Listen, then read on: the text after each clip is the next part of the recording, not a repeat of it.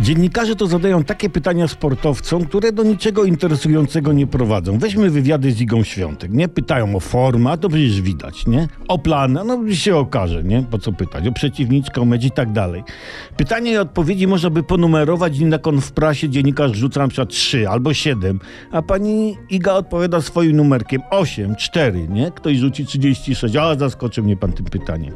A, a oni nie, nie pytają o rzeczy najważniejsze, na przykład, jakie są kryteria wyboru piłeczki do serwowania? No bo patrzcie, tenisistki Iga biorą trzy, obracają w ręce, jedną odrzucają, drugą chowają pod spódniczkę, a trzecią serwują. Czy byłaby różnica, gdyby pani Iga wybrała odwrotnie, nie trzecia odrzucana, pierwsza pod spódniczkę, a drugą serwuje? No piłeczki są takie same. Chcielibyśmy wiedzieć, co decyduje o wyborze tej, a nie innej. Może numerki mają piłeczki? Następuje analiza włosków na piłeczce.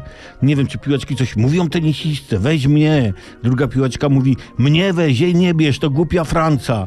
Trzecia szepta, one obie durne jak idiotki, to blachary, Iga. Ja jestem najfajniejsza, mnie użyj. Może pani Iga wyliczankę szepcze, nie wiem, no, siekiera, motyka, piłka nożna, której piłki użyć można, paleta, rakietka, pan Robercik, tą piłeczką się zakręci, nie wiem, nie wiem. Może chodzi o nerwowe ruchy, które uspokajają. No, albo co tenisistka ma pod spódniczką, prawda? Że ta piłka się tam trzyma.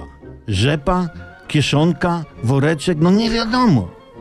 Tych rzeczy nie wiemy, a chcielibyśmy się dowiedzieć, że tu wywołam do tablicy.